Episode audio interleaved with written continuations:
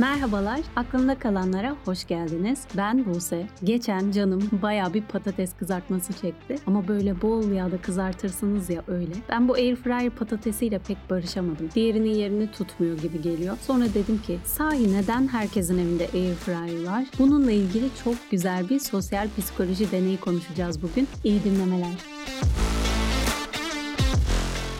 Biliyorsunuz bu kanalın yola çıkma amacı kendi türümüzü incelemek. Yani insan davranışlarını kendimizi anlamak. Neyi, neden yapıyoruz? Her davranışımızın bir nedeni var. Ve günlük hayatta düşündüğümüzden çok daha fazla çevreden, toplumdan, arkadaşlarımızdan, ilişkilerimizden, sosyal baskıdan etkileniyoruz. Ve zannediyoruz ki seçimlerimiz tamamen kendi seçimimiz. Aslında öyle değil. Sırf üzerinde %99 yağsız yazdığı için o kavanozu üzerinde %1 yağlı yazan kavanoz kavanoza tercih ediyoruz. Sırf dış görünüşü güzel veya yakışıklı olduğu için o kişinin aynı zamanda başarılı olduğunu düşünüyoruz. Tabakta kalan son bisküvinin tadını her şey aynı olmasına rağmen daha lezzetli buluyoruz. O yüzden insanoğlunu anlamak zor ama üzerinde düşünmesi bir o kadar da keyifli. Ve bu yüzden arada hepimizin hem kendini sorgulayacağı hem merakla dinleyeceği bizi bize belki davranışlarımızı yüzümüze vurarak anlatan sosyal psikoloji deneylerini konuşacağımız bir seriye başlıyoruz. Bundan sonra ara ara böyle ilginç deneyleri inceleyeceğiz beraber. Bu sosyal deneyleri dinlemenin eğlenceli bir yanı bana sorarsanız çoğu zaman denekler bir deneyde olduklarının farkında bile değiller. Ya da farkındalar ama hangi deneyde olduklarının farkında değiller. Niye? Çünkü bize neyi ölçeceklerini söyleseler ona göre davranmaz mıyız? İşte insanların kendini olduğundan farklı göstermemesi için başta biraz kandırılıyoruz. Etik mi? Bu çok uzun zamandır tartışılan bir konu. İkincisi davranışımızı incelemek için birkaç aktör kullanılır. Yani oyuncular mı diyeyim? Daha doğrusu işbirlikçiler vardır. Deneklerin olan bitenden ancak deney sonrası haberi olur. Çünkü diğer türlü deney amacına ulaşmaz. İşte bu gizemli, dolambaçlı deneyleri yapmak yine de pek kolay değil. Çünkü araştırılan şey insan. Hatta tek başına değil, sosyal bağlam içindeki insan. Ama toplumsal koşulları öyle laboratuvar ortamında kontrollü şekilde birebir üretmek hiç kolay değil. Hatta pek mümkün de değil. Truman Show filmini hatırlayın. Jim Carrey'nin böyle her şeyi fark ettiği, anladığı anı bir hatırlayın. Gözünüzün önüne getirin işte toplumsal koşulları yapay olarak üretmenin imkansızlığına aslında şahane bir örnek bence. Şimdi bugünün deneyine geçmeden önce madem böyle bir seriye başladık tarihteki ilk sosyal deney neymiş diye merak ettim. Kayıtlara geçen yani bilinen ilk deney 1895 yılında Amerikan psikolog Norman Triplett'in araştırması. Triplet bisiklet yarışlarını çok seviyormuş, çok izliyormuş dolayısıyla ve dikkatini çeken bir şey olmuş. Size de hiç yabancı gelmeyecek. Bisikletçilerin zamana karşı yarışmak yerine başka bir kişiye karşı yarıştıklarında daha hızlı bisiklet sürdüklerini tespit ediyor. Yani motivasyonumuz diğerlerinin önüne geçmek mi? Triplet o zaman şunu araştırıyor. Başkalarının varlığı performansımızı nasıl etkiliyor? Aklınıza hemen hayatınızdan birkaç örnek üşüştü değil mi? Biz yapmayız böyle şeyler genelde ama hemen çevremizden birkaç örnek gelmiştir kesin. Sonrasında çocuklar üzerinde bir deney yapıyor. Çocuklardan bir kendi başlarına bir de diğer çocuklarla birlikte olta makaralarını çevirmelerini istiyor ve tabii ki çok benzer sonuçlar elde ediyorlar. Düşünün bakalım kendi kendinize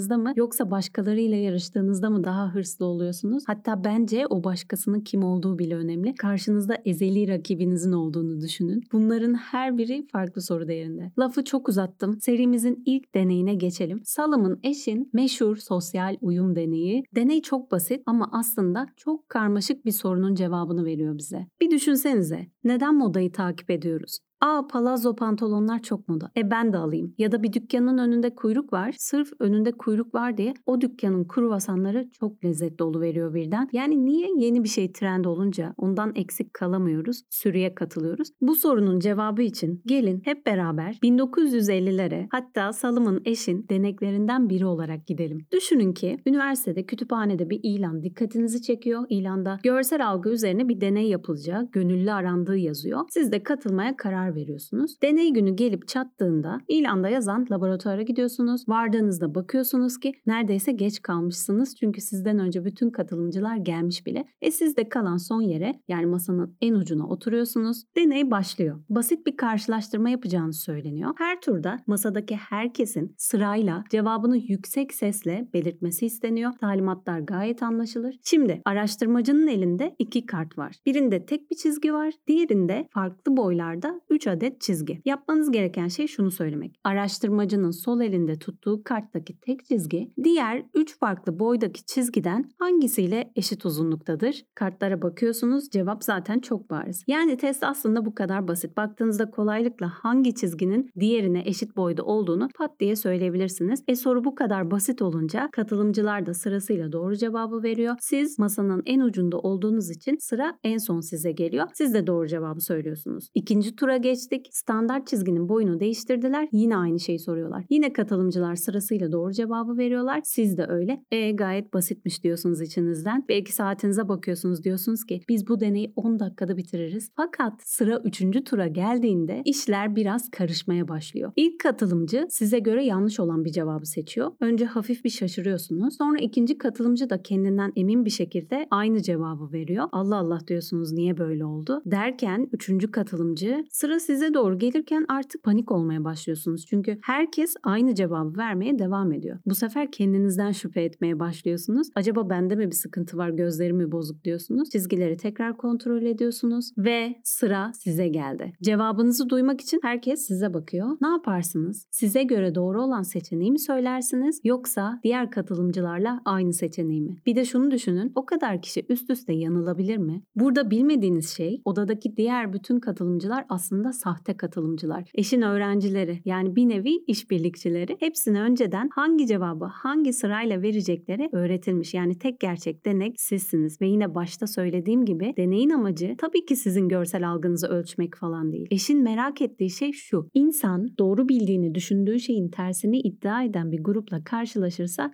ne yapar? Şimdi araştırmanın sonuçlarına geçmeden önce siz biraz kendi cevabınızı düşünün. O sırada Salomon eş neden bu sorunun cevabını aradı? Niye bu sorunun peşine düştü? Onun hikayesini anlatmak istiyorum size. Salomon eş sosyal psikoloji alanında öncü bir psikoloji profesörü. Gestalt terapi ekolünden geliyor. Bu nedir? Bu ekolden gelen psikologlar davranışlarımızdaki değişimi grup içerisinde sosyal bağlamda değerlendirmeye çalışıyorlar. Bireye değil topluma bakıyorlar. Salomon eşin sosyal uyma önermesi hayatına dair birkaç ipucundan sonra daha anlamlı geliyor aslında. Eş 1900'lerin başında Polonya'da Yahudi bir ailenin çocuğu olarak dünyaya geliyor. 1920'de ailesiyle birlikte Amerika'ya göç ediyorlar. İkinci Dünya Savaşı'nın sürdüğü zamanlar. Polonya'da değiller evet ama işte Nazilerin Polonya'yı işgalinin olduğu, o korkunç soykırımın olduğu, toplumun bunu normalleştirerek vahşileştiği zamanlara tanıklık edecekleri tarihlerde yaşamış bir Yahudi ailesi. O yüzden bu ayrıntıyı bilmek bence önemli. Ama ama bunun dışında bir hikaye daha var. David Stout'un New York Times'taki yazısına göre Solomon Ash bu anısını meslektaşlarıyla birinci ağızdan paylaşmış. Yahudilerin bayram boyunca mayasız ekmek yedikleri bir bayram var. Hamursuz bayramı. Bu bayramı kutladıkları bir gece Ash de ailesiyle sofrada oturuyor. Daha çocuk o zaman. Büyük annesi masaya fazladan bir bardak daha şarap koymuş. Ash de merak edip sormuş bu bardak kimin için diye. Büyük annesi de İlyas peygamber için olduğunu söylemiş. Zaten Yahudilerin inanışına göre hamursuz bayramı bayramı yemeği esnasında İlyas peygamberin geleceği umularak evin kapısı açık tutuluyormuş. Tabi Salım'ın çocuk aklıyla hemen amcasına soruyor. İlyas peygamber gerçekten de gelip bu şaraptan içecek mi? Amcası onaylamış. Demiş ki gecenin ilerleyen vaktinde bardağa daha dikkatli bak. Salım'ın aldığı o telkinle, o beklenti duygusuyla bütün gece arada bir bardağı dikkatlice kontrol ediyormuş. Gecenin ilerleyen vakitlerinde de gerçekten de kadehteki şarap seviyesinin biraz olsun düştüğünü gördüğünü düşünmüş. Tabi hayatının hayatının erken döneminde deneyimlediği bu tarz sosyal baskı hikayelerinin kendisini ileride uyumluluğu araştırmaya yönelttiğini söylemiş eş meslektaşlarına. Şimdi araştırmanın sonucuna bakarsak katılımcıların %75'i en az bir defa çoğunluğa uymayı seçmiş yani cevabını değiştirmiş. %25'i hiçbir denemede uyum göstermemiş. Bu kişiler her halükarda kendi doğrularını söyleyenler. Yuvarlıyorum %37'si yani üçte birinden çoğu deneyin yarısından fazlasında çoğunluğa uymayı seçmiş etmiş. Yani etapların çoğunda cevabını değiştirmiş. Yani ilk etapta olmasa bile zamanla sorular devam ettikçe katılımcılar pes ediyorlar. Kendi doğrularını göz ardı edip gruba uyum sağlıyorlar. Bu denekler olanı biteni ne zaman öğreniyor? Deney bitiyor. Katılımcılarla görüşmeler yapıyorlar ve şunu soruyorlar. İçeride bazı soruların cevapları yanlıştı. Bu yanlış cevapların farkında mıydınız? Gelen cevaplar sizi şaşırtmayacak. Çoğunluk evet farkındaydım diyor. Bir kısmı diyor ki ama doğru cevabı verirsem alay edilmekten korktum. İşte tuhaf Tuhaf görünmek istemedim. Herkes aynı şeyi söylerken beni garipsemelerini, dışlamalarını istemedim. Bir kısmı da diyor ki evet doğru cevabı bildiğimi düşündüm ama herkes aynı şeyi söyleyince artık ben hata yapıyorum zannettim. Herhalde bende bir sorun var dedim. Yani kendilerine güvenmedikleri ya da diğerlerinin daha bilgili olduğunu varsaydıkları için cevaplarını değiştirmişler. Hani dışlanmak istemedim, tuhaf görünmek istemedim diyen grup var ya onlar çoğunlukta. Bir defa biz insan olarak sosyal bir varlık değil miyiz? Doğada tek başına var olabilen bir varlık değil. Yuval Noah Harari Homo sapiens kitabında diyor ki insan olarak bizi farklı kılan şey zekamız ve karmaşık sosyal yapılar oluşturma yeteneğimiz. Şöyle çok eskilere gidersek arkaik Homo sapienslerde dahil ilk insanların yaşamlarında aynı örüntüler mevcut. Hayatta kalmak için birkaç düzineden oluşan gruplar halinde yaşıyordu. Tek başına yeterli yiyecek bulmak ya da kendini saldırılara karşı korumak pek mümkün değildi. Bu ne demek? Sosyal reddedilme, gruptan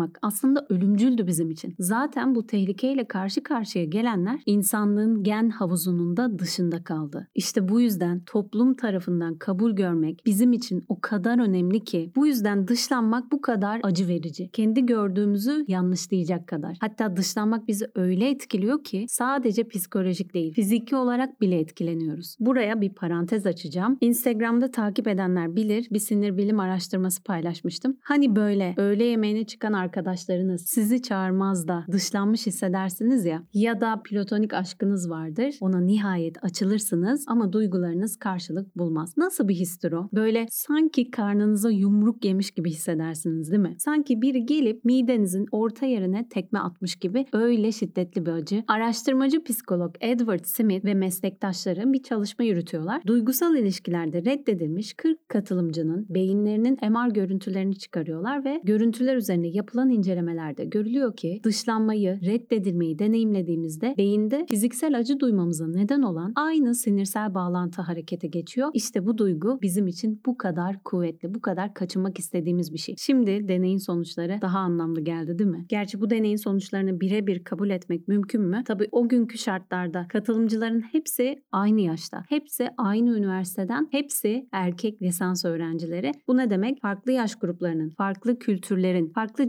cinsiyetlerin etkisi hesaba katılmamış. O yüzden ilerleyen yıllarda deneyi farklı şekillerde itere ediyorlar. Gruptaki kişi sayısını değiştiriyorlar, katılımcı profilini değiştiriyorlar. Peki davranışımız nasıl değişiyor? Şimdi size 5 maddede özetliyorum. 1. Eğer odada sadece 2 kişiyseniz kendi fikrinizi çok rahat dile getiriyorsunuz. Sonuçta karşıdaki kişi yanılıyor olabilir. Ama sizden başka daha 3 kişi olduğunda ve hepsi toplu olarak farklı cevap verdiğinde uyum oranı birden %30'lara çıkıyor. 2. Deneydeki diğer kişiler sizden daha eğitimli, mesela çok prestijli üniversitelerden geliyorsa kendinizden şüphe etme ihtimaliniz daha yüksek oluyor. Düşünün ki İlber Ortaylı var, Celal Şengör var. Cahil damgası yeme riskini ne kadar göze alırdınız? 3. Eşin deneyi gerçekten basit bir deneydi ama soru zorlaştıkça cevabından %100 emin olamadığınız durumlar için uyum oranı artıyor. 4. Cevabı yüksek sesle söylemediğiniz, sadece bir kağıda yazdığınız durumda belki de başkalarına rezil olma korkusu ortadan kalktığı için kendi fikrinize tutunma eğiliminin arttığı görülmüş. Ve 5. Bu madde önemli. Sizden başka doğru cevabı söyleyen tek bir kişi bile olduğunda sosyal uyum oranı resmen %5'lere iniyor. Bakar mısınız destek bulduğumuzda, yalnız göğüslemek zorunda kalmadığımızda kendi fikrimizi nasıl da savunabiliyoruz. Başka araştırmalar farklı kültürlerin bile farklılık yarattığını gösteriyor. Örneğin bireyin bağımsızlığını vurgulayan bir kültürde, bir milliyette yaşıyorsanız o zaman uyum sağlama ihtimaliniz daha düşük. Bu eş deneyini araştırırken aklıma bir film geldi. En sevdiğim filmlerden. Muhtemelen izlemişsinizdir. 12 Öfkeli Adam. Film 57 yapımı, bayağı eski ama eskimeyen bir film. Tarih olarak da eş deneyinden bir 6 sene sonrasına denk geliyor. Artık tesadüf mü değil mi? Siz izleyince karar verirsiniz. Hatta Ankara'da olanlar çok şanslı çünkü Ankara Devlet Tiyatrosu'nun da en başarılı oyunlarından biri bence. İnternetten baktım. Şu anda gösterimi yok ama genel programda adı var. Muhtemelen ilerleyen aylarda tekrar sahnelenir. Henry Fonda'nın oynadığı karakteri de Behzat Ç'den bilenler bilir. Alper Tazebaş oynuyor. Filmde spoiler vermeden anlatacağım. Cinayetle suçlanan Latin kökenli bir genç var. Jüri üyeleri de gencin suçlu olup olmadığına karar verecekler. Eğer oy birliğiyle suçlu bulunursa genç idam edilecek. Tiyatro oyununun sonunda da size iki kart veriyorlar. Suçlu mu, suçsuz mu diye bütün seyirciler oylama yapıyorsunuz. En sonunda da oyları toplayıp sonucu ekrana yansıtıyorlar. Bu detay çok güzeldi. Filmde 12 jüri üyesinden biri hariç hepsi suçlu oyu kullanıyor. Ama sürü psikolojisine girmek yerine düşüncesinden vazgeçmeyen bir kişi neleri değiştirebilir? Burası da izlemeyenler için soru işareti olarak kalsın. Tarihte de ünlü düşünürler, bilim adamları bazen tek kaldılar ama doğrularının arkasında durdular ve kral çıplak diyerek birer efsane oldular. Hem de işkencelere hatta sonunda ölüme gitmelerine rağmen. Mesela kim? İtalyan astronom ve fizikçi Galileo Galilei dünya dönüyor dediği ve bu iddialarıyla kiliseye ters düştüğü için hapse atıldı. İşkence gördü. Engizisyon mahkemesinde son anda iddiasını geri alsa da mahkeme çıkışında yine de dönüyor diye mırıldandığı rivayet edilir. İtalyan gökbilimci ve rahip Giordano Bruno dünyadan başka daha birçok gezegenin var olduğunu söyledi. O da bu düşünceleriyle Roma Katolik Kilisesi ile ters düştüğü için yargılandı. Roma'da Campo dei Fiori diye bir meydan var. Hatta o meydanda Bruno'nun bir heykeli de var. Kiliseye kafa tutan Bruno bir de konuşamaması için yüzüne demir maske geçirilerek bu meydanda diri diri yakıldı. Ben Tanrı'nın devletin başına musallat ettiği bir at sineğiyim diyen Sokrates insanlara sorular sorarak onları düşünmeye teşvik etti. Mahkemeye çıkarıldığında kendisinden özür dilemesi beklenirken o ne yaptı? Efsanevi savunmasını yaparak düşüncelerinin arkasında durdu ve sonucunda baldıran otu zehri içirilerek idam edildi maalesef. Ama işte dünya bir adım öteye hep bu fikrini söyleyebilenler, kendi doğrusunun arkasında duranlarla ilerleyecek. Ne demiştik geçen bölümlerde? Hayal gücü geleceğin dünyasını görebilmemiz, geleceği inşa edebilmemiz için tek seçeneğimiz. Ama ancak arkasında durabildiğimizde tabii ki. Sırf tepki çekmemek, dışlanmamak için ne kadar kendi değerlerinizden ödün verebilirsiniz? Evet bu davranışın arkasında çok büyük bir ihtiyaç var. Ait olmak, sevilmek, kabul görmek istiyoruz. Hatta Maslow'un ihtiyaçlar hiyerarşisinde böyle en aşağıda fiziksel ihtiyaçlarımız, güvenlik ihtiyaçlarımız, en üstte de kendini gerçekleştirme vardır. Bir de böyle arada sıkışıp kalan, çok da üzerinde durulmayan üçüncü basamak ait olma ihtiyacı vardır. Sevgi ihtiyacı vardır. Yani Maslow'un teorisine göre bir bireyin hayatta kalmayı, güvende olmayı başardıktan sonraki en temel ihtiyacı belirli gruplara ait olmak, sevgi görmek, kabul görmek. Tabii ki kabul görelim, sağlıklı ilişkilerde yine ait hissedelim ama gün gelir de sırf dışlanmamak için başkalarının sevdiği renge sevdiğimiz renk, başkalarının sevdiği şarkıya sevdiğimiz şarkı demek ihtiyacında hissedersek işte sorun burada başlıyor. Bu demek oluyor ki biz kendimiz olmayı bırakmışız. Sadece bir defalığına bize verilen bu hayatı başkalarının istediği gibi yaşamışız. Beni çok üzen bir cümlesi vardı Oğuz Atay'ın bir kitabında. Kendimle konuşurken bile onun hoşuna gitmeye çalışıyordum. İşte bunu kendinize yapmayın. Zaten birilerine kendini sevdirmeye çalışmak çok üzücü. Hatta maalesef biraz da umutsuz bir çaba. Hani mitolojide Sisyphos var ya tanrılar tarafından cezalandırılmış. Cezası da büyük bir kayayı böyle dik bir tepenin doruğuna yuvarlayarak çıkartıyor. Ama her seferinde tam tepenin doruğuna ulaşıyor ki kaya elinden kaçıyor ve her şeye yeniden başlamak zorunda kalıyor. Albert Camus'un Sisyphos Söyleni kitabında da şöyle bahsediyor. Tanrılar yararsız ve umutsuz çabadan daha korkunç bir ceza olmadığını düşünmüşlerdi. O kadar haksız da sayılmazlardı. İşte Sisyphos gibi kendimize bu korkunç cezayı reva görmemek lazım. Konu nerelere geldi? Demek istediğim toplumun inançları doğrultusunda mı seçimler yapıyoruz yoksa kendi inandıklarımız doğrultusunda mı? Biraz olsun bunu sorgulamak. Hem kendi fikrimizi söyleyemediğimiz bir yerde, kendi doğrularımızda var olamadığımız bir yerde ne kadar mutlu olabiliriz diyerek toparlıyorum. Sosyal deneyler hoşunuza gittiyse geri dönüşlerinizi bekleyeceğim. Şimdilik hoşçakalın. Bir sonraki bölümde görüşmek üzere.